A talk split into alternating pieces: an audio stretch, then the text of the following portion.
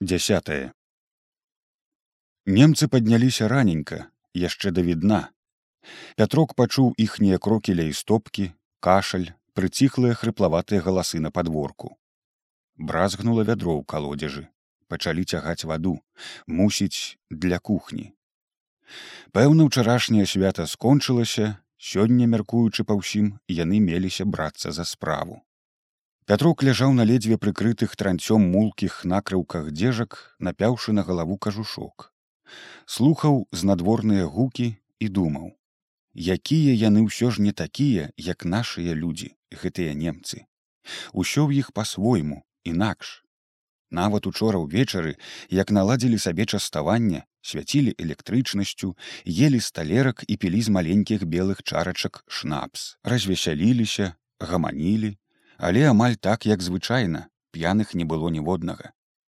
Афіцер і гэты фельдфебель частаваліся ў хаце асобна куды ім насілі мяса ў талерках накрытых хустачкамі.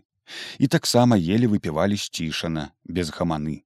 А галоўнае не даўжэй чым пры звычайнай вячэры.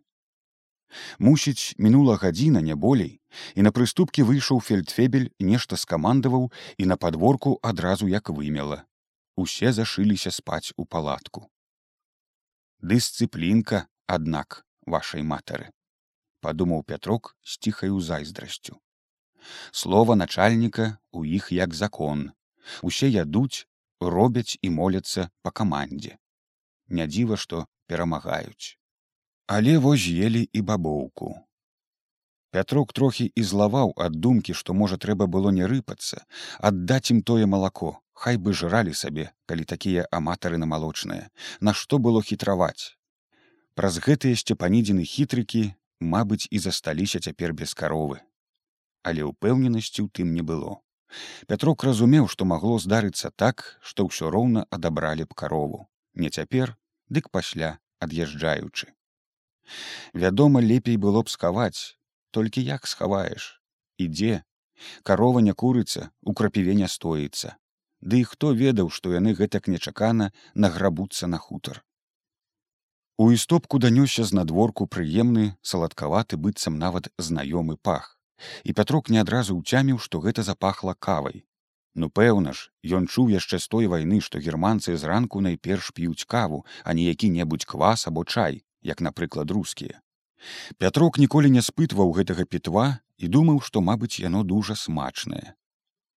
Але што марыць пра каву, тут во солі засталося жменькі сатры, як без солі будзеш есці гэтую бульбу, не палезе ў горла, бяда ды і годзе.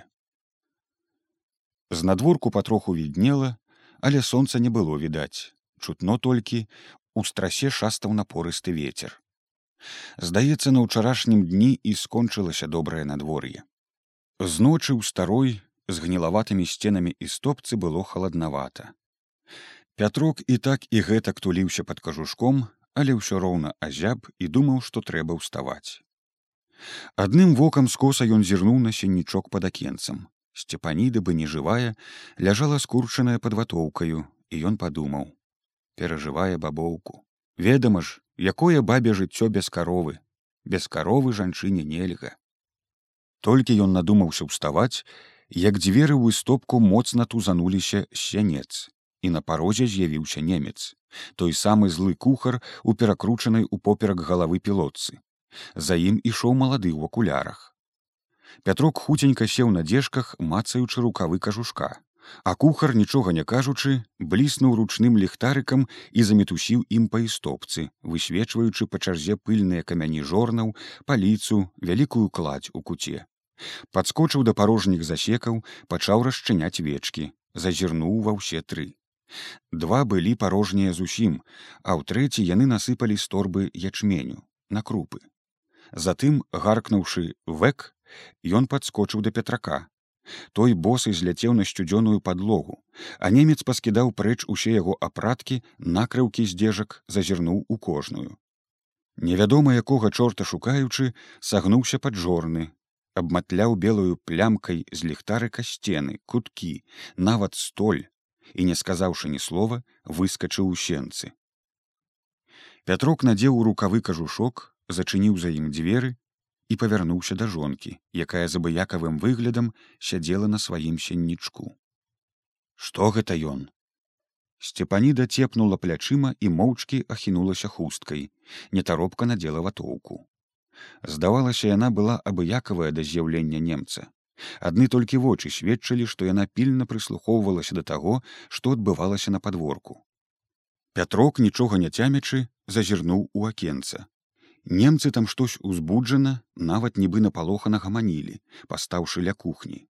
Некаторыя чамусь швэндаліся ля хлява падрывотні чаго яны там шукалі быццам нешта згубілі сказаў ён жонцы але не паспела тая адказаць як усе ад кухні рушылі да сяней густа затупалі ботамі і ўжо не адзін а трое адразу ўваліліся ў выстопку і пайшло. Са злым рашучым выразам на тварах яны пачалі пераварочваць да гары нагамі ўсе дзежкі кубелкі скідаць сцвікоў транты.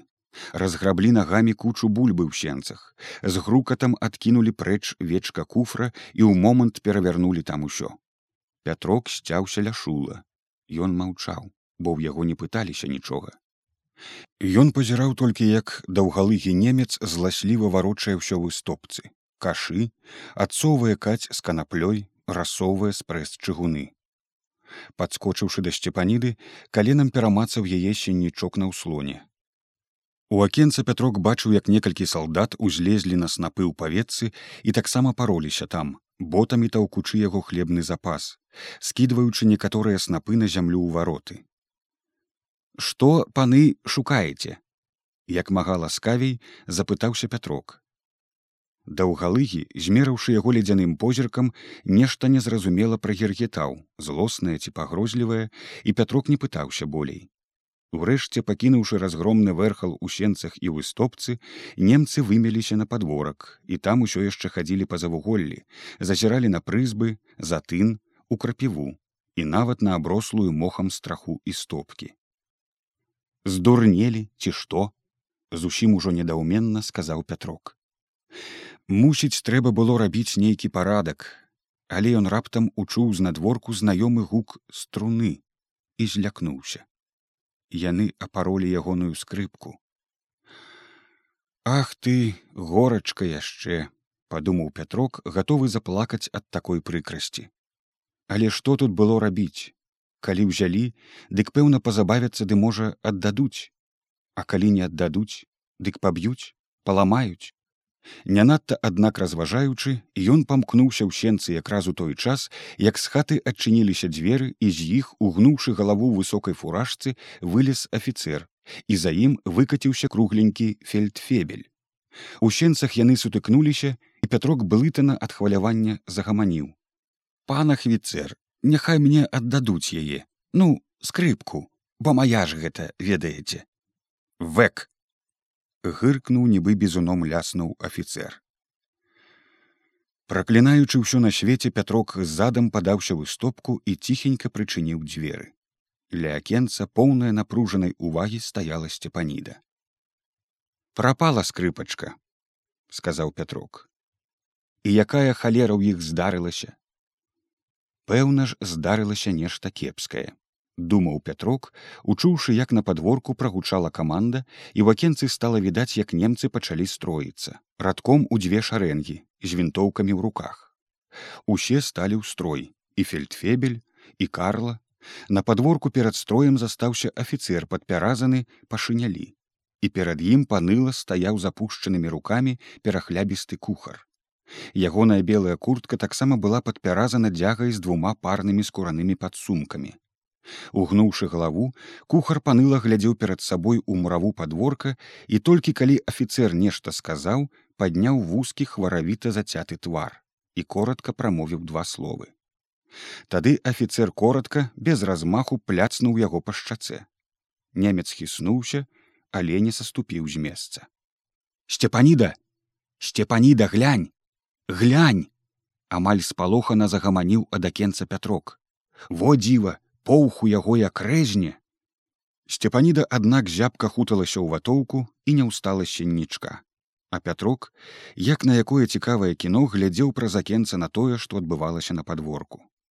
Немцы ў страі паныла маўчалі, маўчаў і злы кухар які таксама стаў у канцы шарэнгі а афіцер заклаўшы за спіну руки ў пальчатках хадзіў перад строем і нешта гаварыў і гаварыў там адрывістым голасам скажа помаўчыць зробіць тры крокі спыніцца зноў скажа і зноў помаўчыць мяркуючы па змрочных выразах салдацкіх твараў гаварыў ён не надта вясёлае мабыць адчытваў ці што петраку было пэўна што там нешта здарылася і што правініўся кухар Увогуле гэта было цікава, але пятрок пачаў трохі пабойвацца, каб тое ліха не перакінулася і на яго сцепанідай.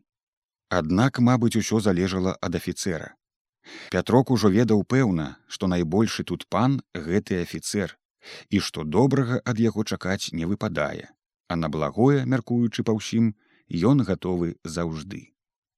Але во натацыя на падворку скончылася, строй рассыпаўся, некаторыя пачалі закурваць, а іншыя палезлі ў брызентавы будан машыны. Ці не выберуцца зусім, абнадзеяна падумаў пятрок, ды мусіць выбірацца было яшчэ ранна.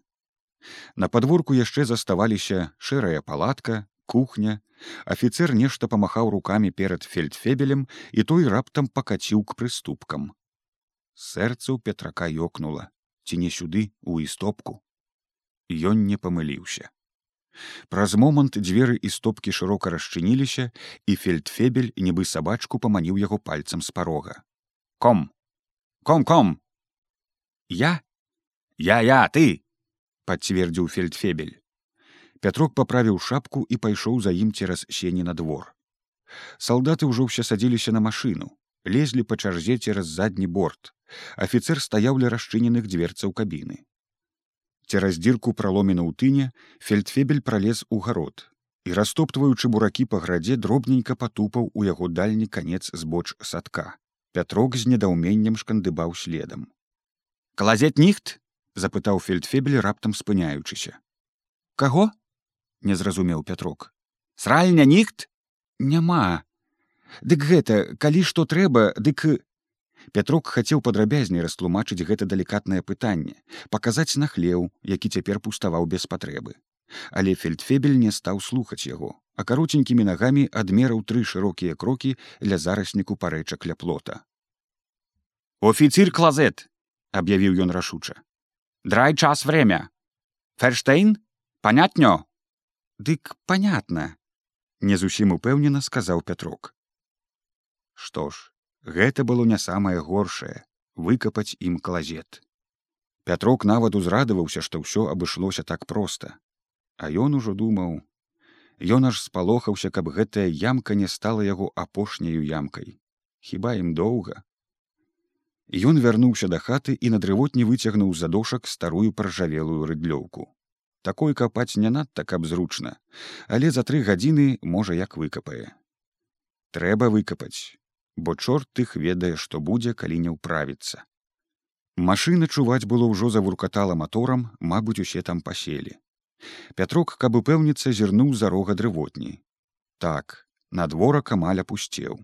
Машына, разграбаючы вялізнымі коламі зямлю на гародзе, разварочвалася пад ліпай.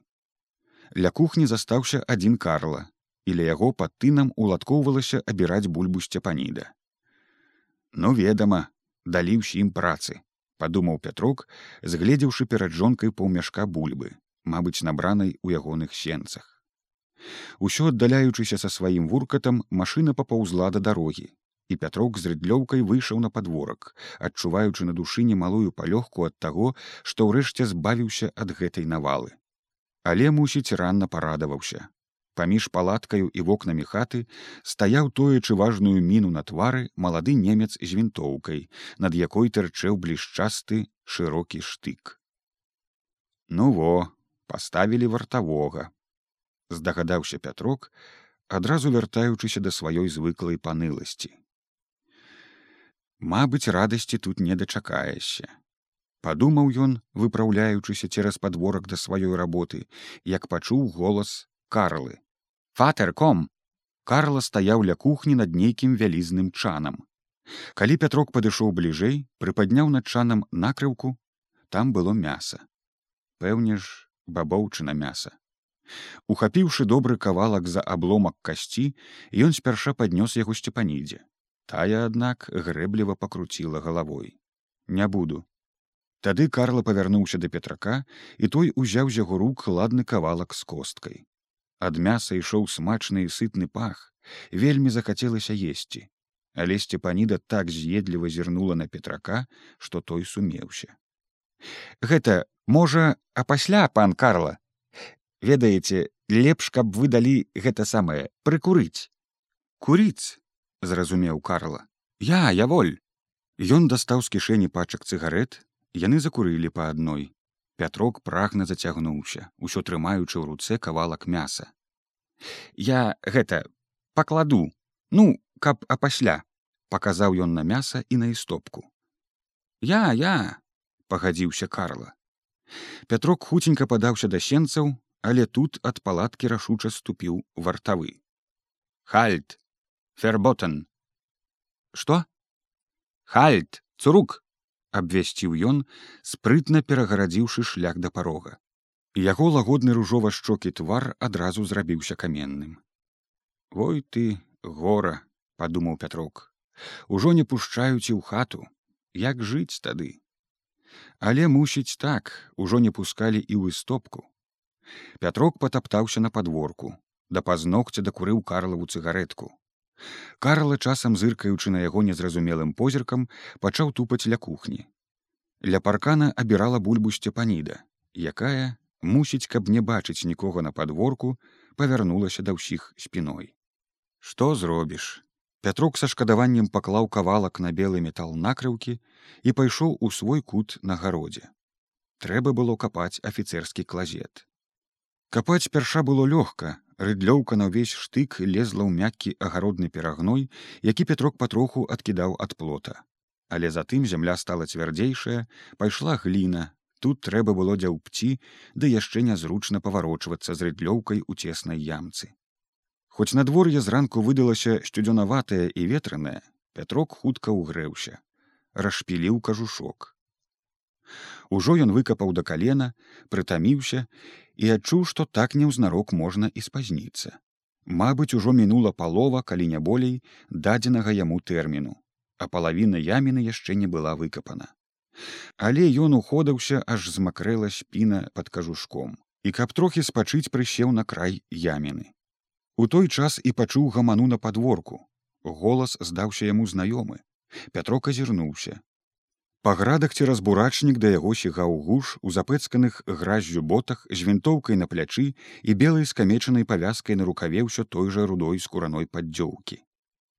Што яшчэ за няшчасце? Нядобра падумаў пятрок. Паліцай падышоў да ямы і скінуў з пляча вінтоўку. Капаем, не вітаючыся сказаў ён. Ды во, як бачыш, не тое капаеш.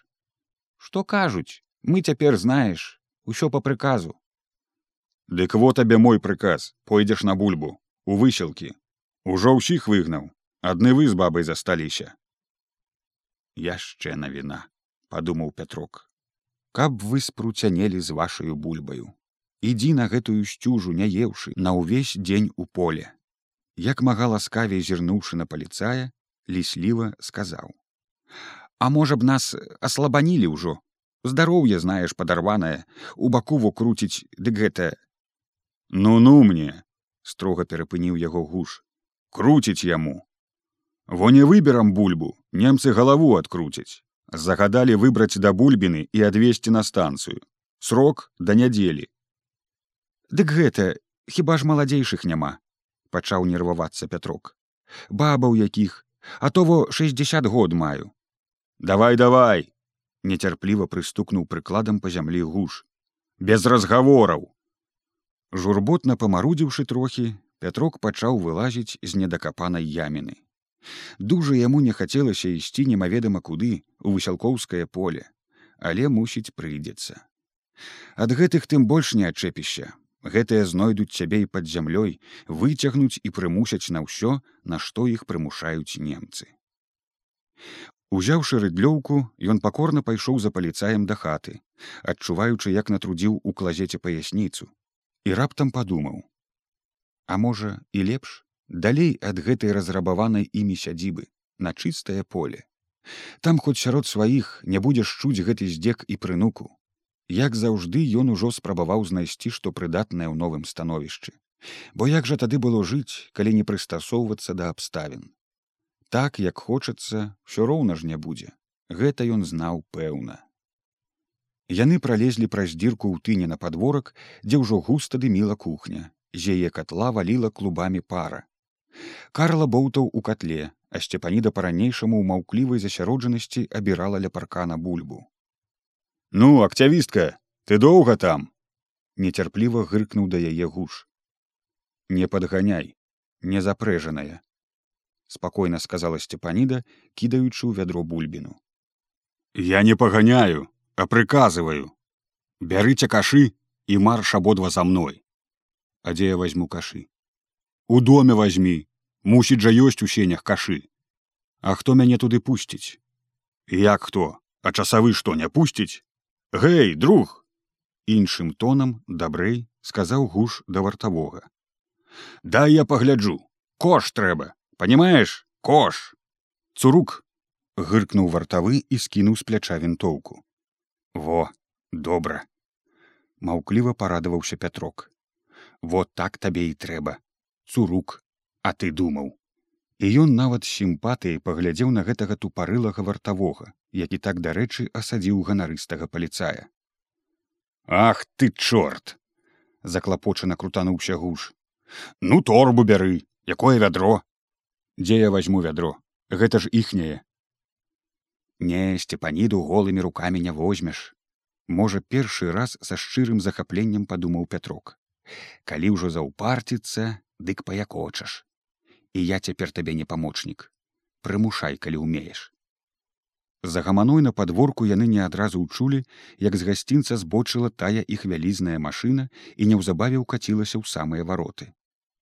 Яна яшчэ не спынілася, як з кабіны неяк дужа паспешна вываліўся рухавы фельдфебель, На ягоным счырванелым твары было нейкае ажыўленне. Добрае ці не, цяжка было зразумець у пачатку. Вас і здас! гыркнуў фельдфебель, спыняючыся перад гужом. Той няўклюдна спрабаваў узяць пад казырок, але яму ўсё сапсавала вінтоўка, почапка якой слізганула са скуранога пляча і павісла на локці. Вас і здас, что ест это? Зусім ужо нядобра паўтарыў фельдфебель беручы руки ў бокі і стаяў так маленькі таўставаценькі перад няўклюднай рукастаю постаццю гужа. Прыказ на бульбу пан офіцер на картошку удакладніў гуш каб выбралі да нядзелі! Вас і здас! Не прыняўшы тлумачэння яшчэ болей раз'ятрана загрычаў фельдфебель і ступіў яшчэ на крок бліжэй да гужа я ж кажу пан офіцер загадана ўсім на картошку. Пан бургамістр вас і здас! Зноў цвердзіў сваё фельдфебель. І гуж на гэты раз мусіць з'еў усе словы. Выцягнуўшыся і вырачыўшы на немчыка вочы ён моўчкі стаяў аж покуль той не страпянуўся і неяк дужа ўжо спрытна знізу ў гору пляцнуў яго два разы па адной і па другой шчацэ паліцай хіснуўся разам з вінтоўкай якую аблапіста хінуў да сябе мусіць чакаючы і яшчэ плявух. Але болей фельд фебель не біў. Толькі разгоніста ткнуў каротенькім пальчыкам на вароцы з падворка. Век і калі гуж не то спалохана не то ўзрадавана таропка засігаў да варотцаў фельдфебель абразліва працадзіў праз зубы. Ванютчы паліцайн швайн ага правільна вы яго нядобры чалавек не ўтрымаўся пятрок дужа задаволены тым што атрымаў гуш.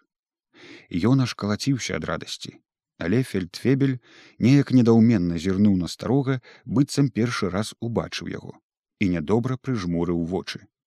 Офіцір клазет ферцік дык дзе ж я зраблю калі во гэты прыпёрся пачаў пятрок здагадаўшыся пра што пытае немец Але тут жа ён схамянуўся і змоўк, згледзеўшы, як фельдфебель неяк паспешліва сігануў да яго збоку. У наступны момант ён ледзь не заякатаў ад болю. Нічога не кажучы, фельдфебель торкнуў яму такога выспятка, што пятрок аж падскочыў. Ой божачка мой! Толькі і паспеў ён сказаць сабе ў думках, як апантаны вылецеўшы праз дзірку на гарод.